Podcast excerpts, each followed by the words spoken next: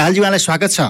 धन्यवाद। आज अब यो अलमलपूर्ण राजनीतिक कोर्समा नेपाली काङ्ग्रेस कहाँ छ नेपाली कङ्ग्रेसले किन यो अ, अलमलपूर्ण राजनीतिलाई नेतृत्व गर्न सकिराखेको छैन भन्ने अलिकति काङ्ग्रेसकै अथवा नेपालका प्रजातान्त्रिक शक्तिहरूको विषयमा अलिकति बढी चासो राख्ने गहन टिप्पणी गर्ने भएको हिसाबबाट तपाईँसँग संवाद गरिराखेको छु। के लाग्छ?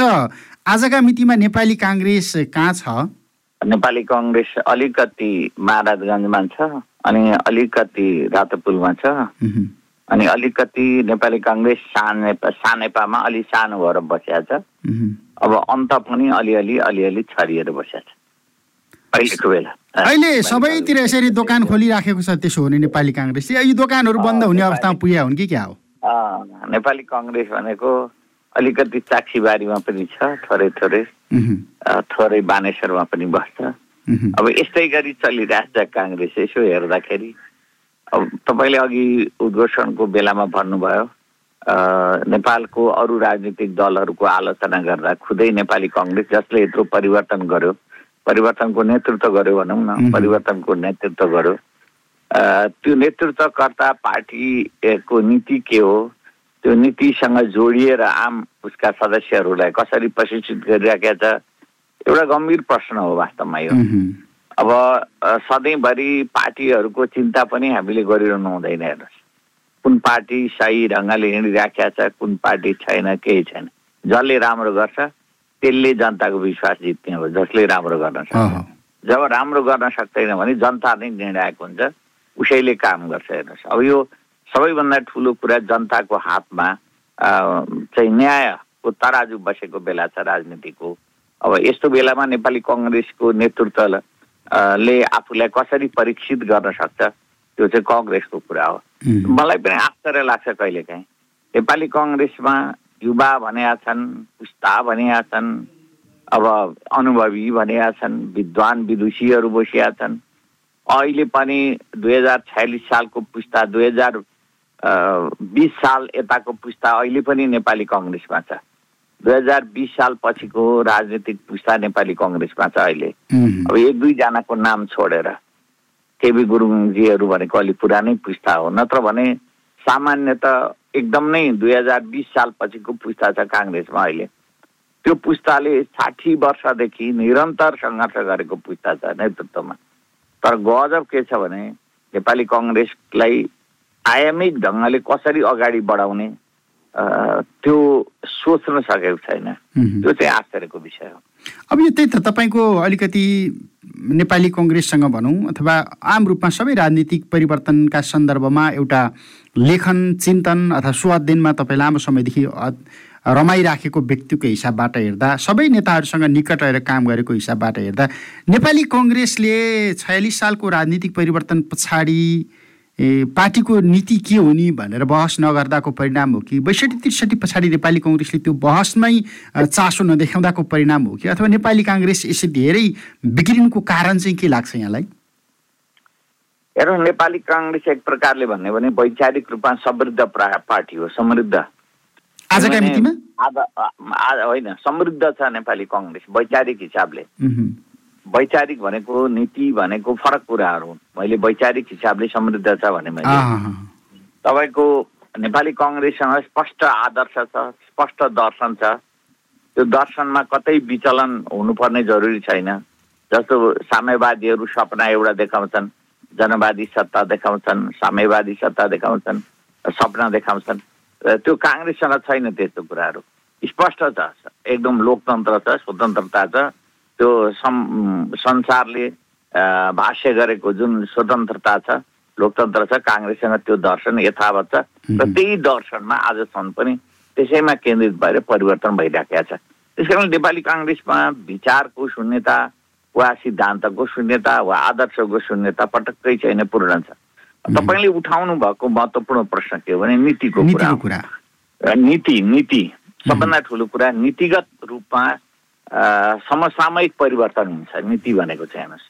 कार्यक्रम र नीति भन्ने चिज योजना भन्ने चिज आवश्यकताले निर्धारण गर्ने कुरा हुन् आदर्श परिवर्तन हुँदैन सिद्धान्त पनि कमोबेस परिवर्तन हुँदैन विचार पनि कमोबेस परिवर्तन हुँदैन तर नीति कार्यक्रम र योजना चाहिँ जसको पनि परिवर्तन हुन्छ त्यो समयले निर्धारण गर्ने कुरा हो। तपाईँ एक ठाउँमा हिँड्दै जानुहुन्छ तपाईँ कुद्दै जानुहुन्छ जब अप्ठ्यारो गौँडो आउँछ त्यहाँ कुद्न सकिँदैन नि त। त्यहाँ परिवर्तन गर्नु पर्यो बिस्तारै जानु पर्यो बिस्तारै उक्लिनु पर्यो। त्यस्तै हो यो समय भनेको पनि राजनीतिक दल भनेको पनि त्यस्तै हो। अब हिँड्दै हुनुहुन्छ खोलो आयो अनि एकदम ठुलो खोलो छ जानै पर्ने छ भनेर त्यो खोलोमा पस्नुहुन्न तपाईँ। त्यो खोलो या त घट्न दिनु पर्यो या विकल्प खोज्नु पर्यो नीति भनेको चाहिँ त्यो परिस्थिति अनुसारको निर्णय गर्नु पर्यो। परिस्थिति अनुसार निर्णय गर्छ। नीतिमा कार्यक्रममा योजनाहरूमा चाहिँ पार्टीले तर नेपाली कङ्ग्रेसले त्यही कुरा अनुभव गरिराखेका छैन। परिस्थिति अनुसार नीति परिस्थिति अनुसार योजना परिस्थिति अनुसार कार्यक्रमलाई तय गर्न सकेको छैन एउटा। दोस्रो कुरा चाहिँ कार्यान्वयन गर्ने चरणमा उहाँहरू कहिले जहिले पनि अल्झिएर बस्नु भएको छ। खालि केमा भने यो चाहिँ रामाया स्वस्ति रामराया स्वस्ति भन्छ एउटा संस्कृतमा श्लोक छ। त्यो राम आए पनि नमस्कार रावण आए पनि नमस्कार त्यो चाहिँ एउटा वचन छ। राम र रावण छुट्याउन नसक्ने अवस्था एउटा काङ्ग्रेसमा। दोस्रो कुरा खालि एउटा ए नाउँ गरेको मान्छेको टाउको बाट त्रिपेज झिक्ने र बी गरेको नाउँको मान्छेमा श्रीपेज राख्ने भनेर सधैँ सङ्घर्ष गरेका छ काङ्ग्रेसमा। अहिले पनि तपाईँ हेर्नुहोस् न नेपाली काङ्ग्रेसबाट सभापति फेर्नु पर्यो भन्छ। नेपाली काङ्ग्रेसबाट संसदीय दलको नेता फेर्नु पर्यो भन्छ। नेपाली कङ्ग्रेस अब मैले चलाउँछु भन्छ। ए बाबा गजब कुरा हो नि। चलाउन सक्ने सम्पूर्ण आधार तयार गर्यो भने त स्वत आइपुगिहाल्छ नि टाउकोमा त्यो त दिनु पर्यो। कसैले यसले र उसले भन्नै पर्दैन। नेचुरल्ली त्यो एकदम नै स्वाभाविक रूपमा त्यो श्रीपेच आइपुग्छ। कसैले केही गर्नै सक्दैन। म गर्न सक्छु म गर्न सक्छु भनेर त्यो चाहिँ पहिला पहिला यो तपाईँलाई मगर राज्य गुरुङहरूको एउटा राज्यको चल्चा चल्छ नि छेलो हानेर लमजुङतिर राजा भन्ने। छेलो हानेर कुदेर होइन? म ज्यादा दौड्न सक्छु म राजा हुन्छु म छेलो ज्यादा हान्छु म राजा हुन्छु भने जस्तो अहिले आजको दिनमा पनि हामी प्रतिस्पर्धा हाम हामी कहाँ प्रतिस्पर्धा छ? नेपाली कासमा ठ्याक्कै त्यही छ। गरेर देखाउनु पर्यो नि। काम आफूले पाएको जिम्मेदारी गरेर देखाउनु पर्यो। तपाईँलाई एउटा आश्चर्यको कुरा सुनाऊ म। म नेपाली कङ्ग्रेसको कहिले खै प्रशिक्षण हुँदै पनि जान्छु कि? रमाइलो हुन्छ। त्यो ओडाको तहको मान्छेले कसलाई गाली गरिराख्या हुन्छ भन्नुहुन्छ भने त्यो पालिकाको नेतृत्व भएन भन्छ है।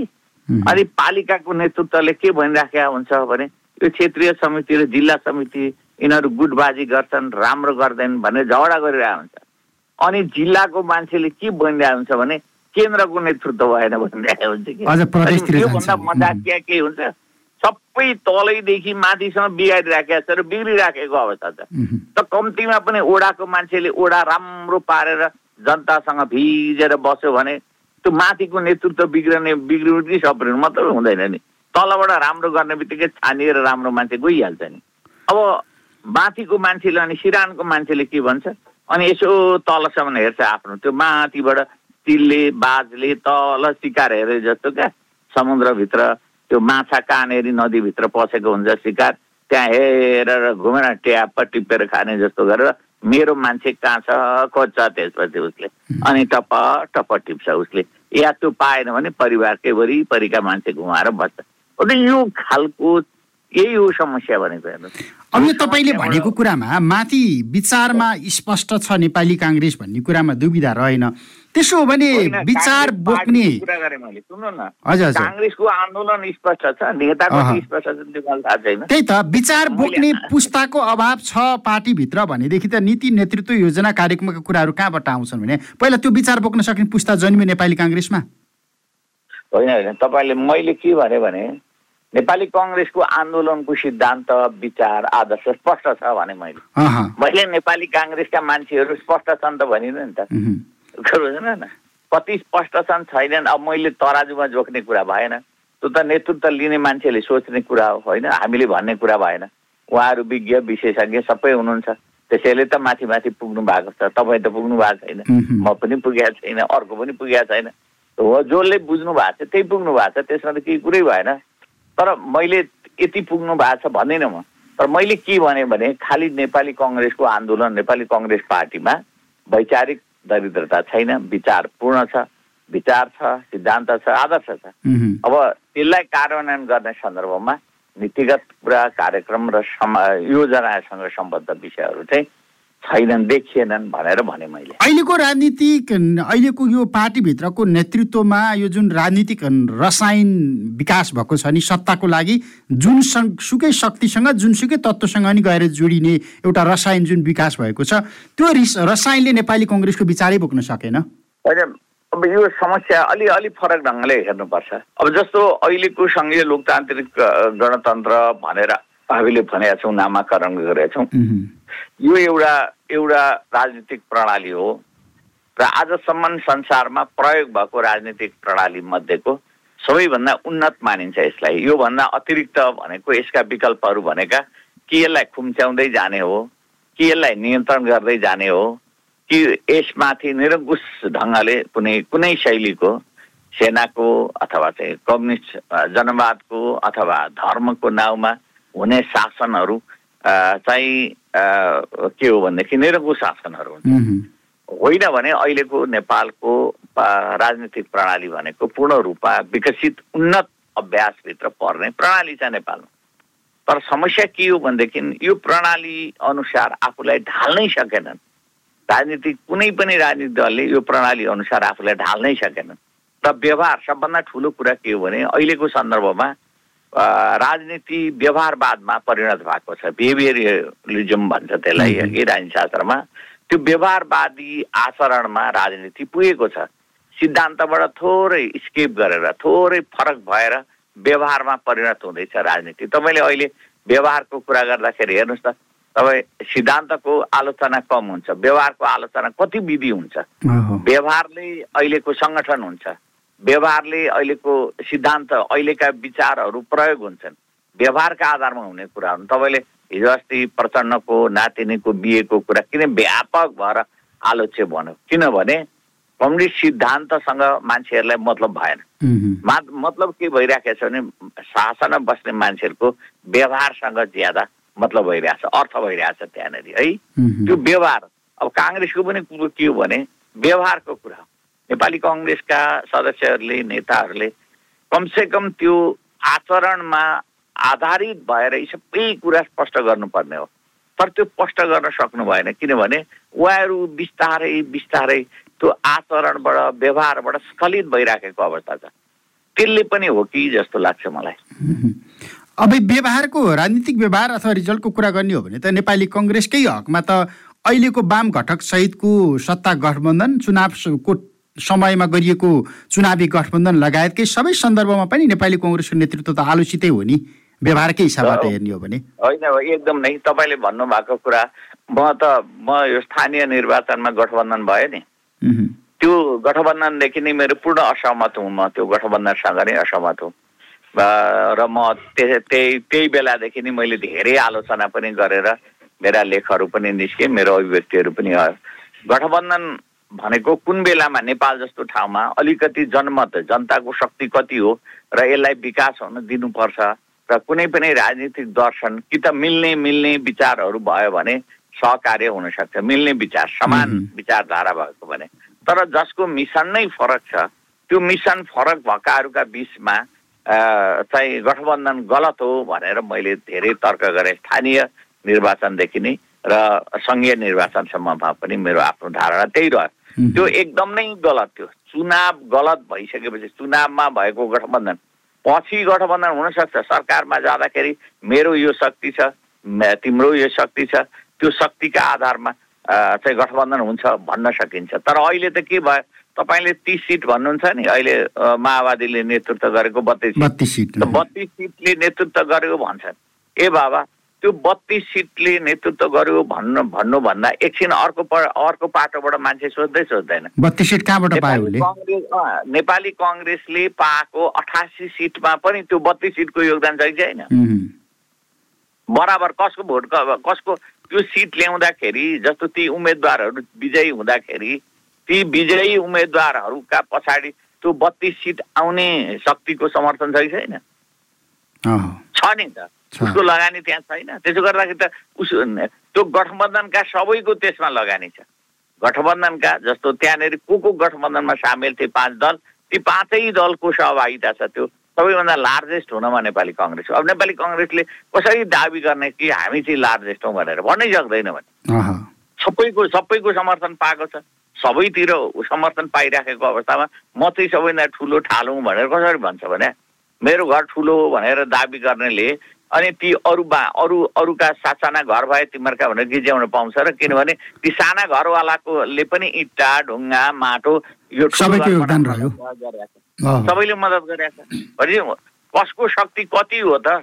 त्यो ठुलो घरमा कसको शक्ति कसको कति हो र त्यो सानो घरमा कति हो भनेर कसरी आइडेन्टिफाई गर्ने भन्नुहोस् अब त्यो साना घरमा बस्ने शक्तिले ठुला घरमा बस्ने शक्तिलाई समेत मिलाएर चलाइराखेको अहिलेको यो सत्ता समीकरणको जस र अबजसको कुरामा पनि नेपाली काङ्ग्रेस त धेरै मुछिएको छ नि आजका दिनमा। हो त्यो मुछिनु पर्छ नि तपाईँ चुनावमा गठबन्धन गरेर आइसकेपछि श्रेय अपश्रेय दुइटै बोक्नु परेन भने। तपाईँ त्यस कारणले मैले भने नि। चुनावमा गठबन्धन गर्नु गलत भयो। जति शक्ति हुन्छ जति जनताले मत दिन्छन् त्यो मतमा आफ्नो शक्ति पनि पहिचान हुन्छ। तपाईँले आफ्नो शक्ति कति पहिचान जस्तो अहिले भनौँ न नेपाली कङ्ग्रेसले विगतमा एकदम नै सबभन्दा कमजोर परिणाम ल्याएको भनेको चौसठी सालमा काङ्ग्रेसको सबैभन्दा मत मतको हिसाबले भन्ने हो भने। र त्यसपछिको हिसाबले हेर्ने हो भने सङ्ख्याको हिसाबले त राम्रो छ अहिले त्यस्तो केही कुरै भएन। प्रगति नै गरेका छ अहँ। तर तपाईँले समानुपातिक लोकप्रिय पाएको मतको हिसाबबाट हेर्दा, मत। हेर्नुहोस् त कति छ कति घटेको छ। ठ्याक्कै त्यो चौसठी सालको बराबरको मत काङ्ग्रेसमा अहिले बराबर जस्तो मत अहिले। अब भनेपछि तपाईँले आफ्नो आफ्नो अवस्था के छ भनेर बुझ्नुपर्छ। त्यसैले मैले भनेको त्यो सानो होस् कि ठुलो केही अर्थ हुँदैन।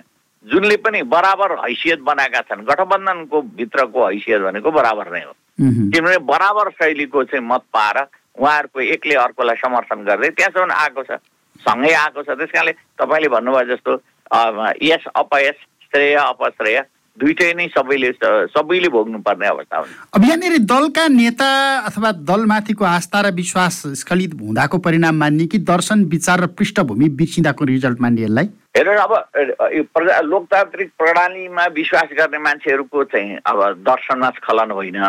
स्खलन केमा हो भने आचरण र व्यवहारमा स्खलन हो। है अब अब साम्यवादमा विश्वास गर्नेहरूको चाहिँ दर्शनमा स्खलन भएको यसै पनि त्यो दर्शनबाट धेरै डेभिएट हुनु भएको छ। अबको अहिलेको प्रयोग भनेको सुधार हुँदै संशोधन हुँदै तपाईँले यदि हेर्नु हो भने मार्क्सवादी विचार कति पढ्नु भएको छ मलाई थाहा छैन पढ्नु भएको होला निश्चित रूपमा।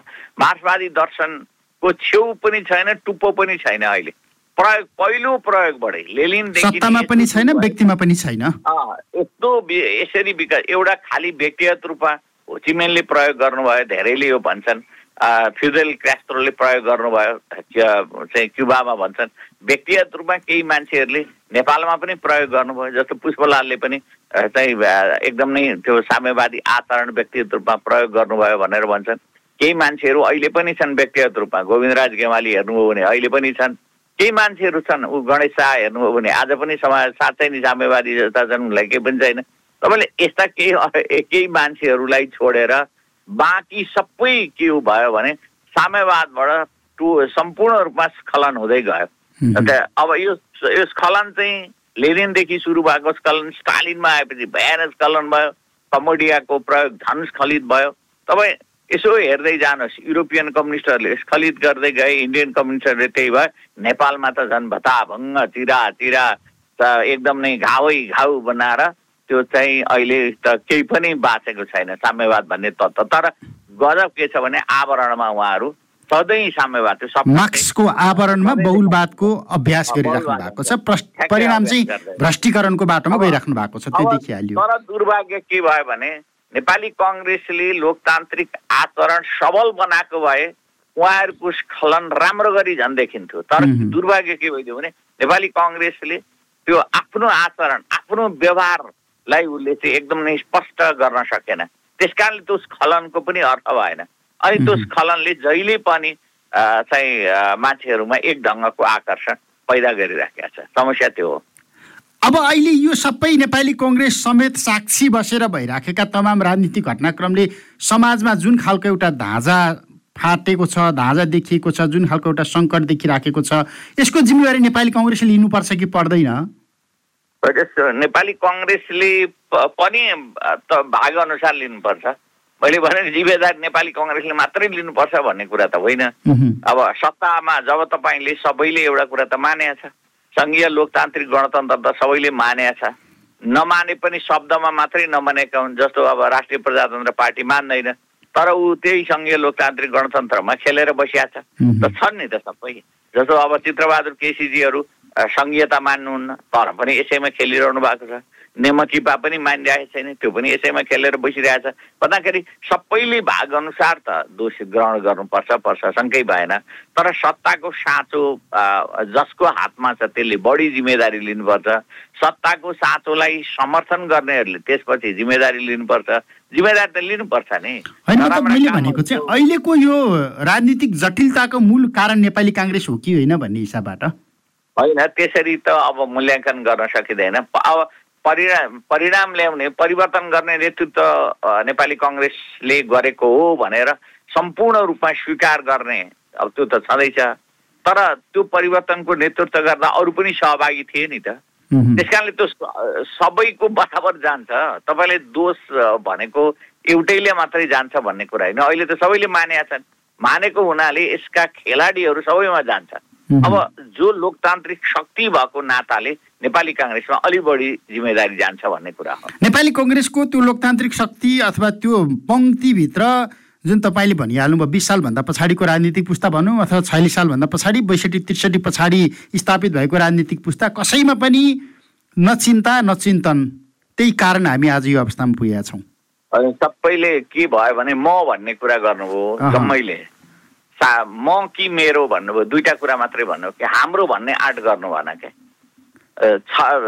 यो सत्र सालपछि बिस सालपछि आएको पुस्ताले पनि के भन्यो भने म र मेरो बाहेक उहाँहरूले हेर्नु भएन है? म र मेरो भन्ने शब्दमा केन्द्रित हुनुभयो। यो ब्रह्मवादीहरूले यसलाई अहङ्कार भन्छन्। म भन्नु र मेरो भन्नु भन्ने कुरा चाहिँ यो ब्रह्म चिन्तनभित्र चाहिँ अहङ्कार भनेर भनिन्छ। यो अहङ्कारवादी चिन्तन उहाँहरूमा जति छ छयालिस सालपछिको नेतृत्वमा पनि अब के त्यही कुरा हाबी भयो। केही मान्छे थिए। छयालिस सालको सन्दर्भमा चाहिँ अब तपाईँले त्यसरी म र मेरो भित्र कृष्ण प्रसाद भट्टराई जस्ता मान्छेहरू गणेश अलिकति फरक ढङ्गले हेर्नुपर्छ।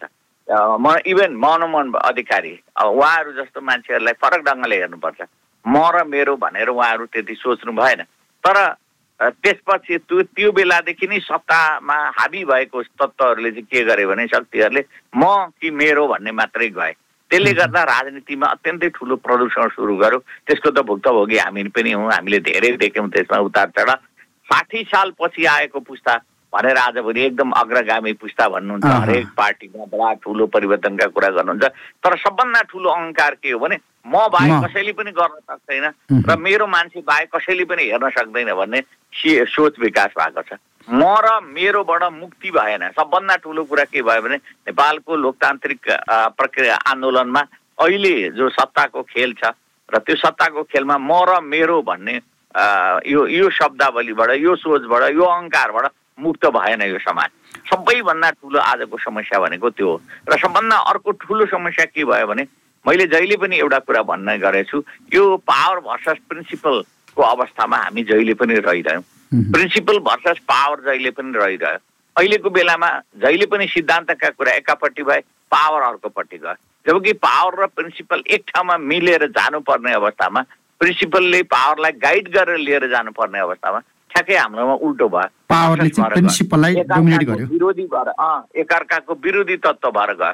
जब पावर भर्सस प्रिन्सिपल भएर गयो अनि पावरभित्र पनि के विकास भयो भने प्रिन्सिपल हटिसकेपछि त पावर भर्सस पावर भएर जाने भयो। पावर भर्सस पावर भएर गइसकेपछि आज तपाईँ नेपाली कङ्ग्रेसमा हेर्नुहोस् न।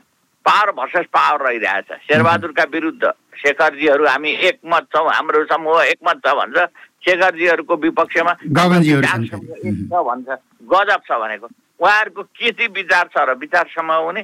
डाक्टर शेखरजीले कसलाई चाहिँ ल जस्तो मान्नुहोस् न भोलि नै डाक्टर शेखर या गगनजीहरूले सत्ता लिनुभयो भने त चाहिँ शेरबहादुरजीका मान्छेलाई सम्पूर्ण रूपमा एलिमिनेसन गरेर उहाँहरू पार्टी चलाउन सक्नुहुन्छ? सक्नुहुन्न नि। अब त्यसो हो भने त सबैभन्दा बढी कमजोर पार्टी हुन्छ। तर त्यस कारणले उहाँहरूको यो यो सबभन्दा ठुलो भ्रमले बाँचिराखेको अवस्था छ कि पावर भर्सस पावरको सङ्घर्ष भइरहेको छ अहिले काङ्ग्रेसभित्र। अब त मैले लिएँ भने ठिक हुन्छ तैँले तैँले बस्दा ठिक हुँदैन भने ए बाबा तपाईँ वैधानिक प्रक्रियामा प्रवेश गर्नुहोस् हरेक अवस्थामा। तपाईँ विधिसम्म ढङ्गले परिवर्तन गराउनुहोस्। सामान्य भइहाल्छ नि विधिसम्म ढङ्गले तपाईँ अगाडि बढ्दा के नोक्सान हुन्छ? मेरो समूह छ। मेरो समूहको त्यहाँ बैठक बस्छ मेरो समूहको बैठक भनेको कुनै पा छैन। पार्टीको समूह छैन पार्टीभित्रको पार्टीको सदस्यहरू छैनन् कि? अमुक समूहका मान्छेहरू रे. अनि मैले भन्ने गरेको छु नेपाली कङ्ग्रेसमा नेपाली कङ्ग्रेसको मान्छे छैन भनिदिन्छु मैले। किनभने शेखर समूह भने छ। शेखरका मान्छे ती अनि शेरबहादुर समूह भने छ। शेरबहादुरका मान्छे ती। गगन समूह भन्छन् नयाँ केटाहरू। गगनका मान्छे ती। काङ्ग्रेसका मान्छे ती खोइ त। काङ्ग्रेसका मान्छे छैनन् अहिले यो देशमा। अब त्यस कारणले बसै गर्न बडो अप्ठ्यारो छ काङ्ग्रेसको विषयमा अन्त्यमा लगभग समय। सकिएको छ। यो रिक्तता यो सन्नाटा यो यो वितृष्णाको विकिरणले नेपाली कङ्ग्रेसलाई लगभग लगभग सिद्ध्याइसक्यो भनिन्छ। अरू बाँकी राजनीतिक शक्तिलाई नि सिद्ध्याइराखेको जस्तो देखिन्छ। अब तत्काल हामी प्रणाली र संविधान नै सङ्कटमा पर्यो भनिराखेका छौँ। त्यो खालको परिस्थितिमा मुलुक गइराखेका देख्नुहुन्छ। अन्त्यमा। त्यस्तो त होइन होला। यो प्रणाली नै सङ्कटमा जान थाल्यो भन्ने कुरा चाहिँ उही यो हल्ला गरेर शासनमा बस्ने खेती हो। त्यो मलाई विश्वास छैन त्यति सजिलो छैन। अब आम रूपमा यो सबै नेतृत्व असफल भयो भने त स्वाभाविक रूपमा प्रणाली सफल हुने त कुरै हुँदैन। यो नेतृत्वले हाँक्ने हो प्रणाली भनेको। प्रणाली आफै हाँकिने चिज होइन यो त निर्जीव तत्त्व हो। अब नेतृत्व नै असफल भयो भने स्वाभाविक रूपमा प्रणाली असफल हुनसक्छ। तर मलाई अहिले नै त्यो अवस्था आउला जस्तो लाग्दैन। त्यो नेतृत्वमा त्यो खालको अनुभूति हुनु पर्यो। त्यो त सोच्नु पर्यो नि। नेतृत्वले आफैले मैले नै बिगार्न थालेँ अनि यो प्रणाली पनि रहँदैन भनेर त सोच्नु पर्यो नि त। जसको जिम्मेदारी छ कम्तीमा पनि उहाँहरूले एकचोटि चिसो मस्तिष्कले कसरी हुन सक्छ भनेर छलफल गर्नु पर्यो र विभिन्न क्षेत्रबाट विचारहरू सङ्कलन गर्नु पर्यो। आम नागरिकले के भनिरहेछन् त्यसलाई बुझ्नु पर्यो सोच्नु पर्यो सोध्नु पर्यो। अनि न केही न केही एउटा प्रणालीगत सुदृढीकरण हुन्छ नत्र भने कुच्किँदै जान्छ। हुन्छ। समय संवादका लागि धन्यवाद। हस् धन्यवाद।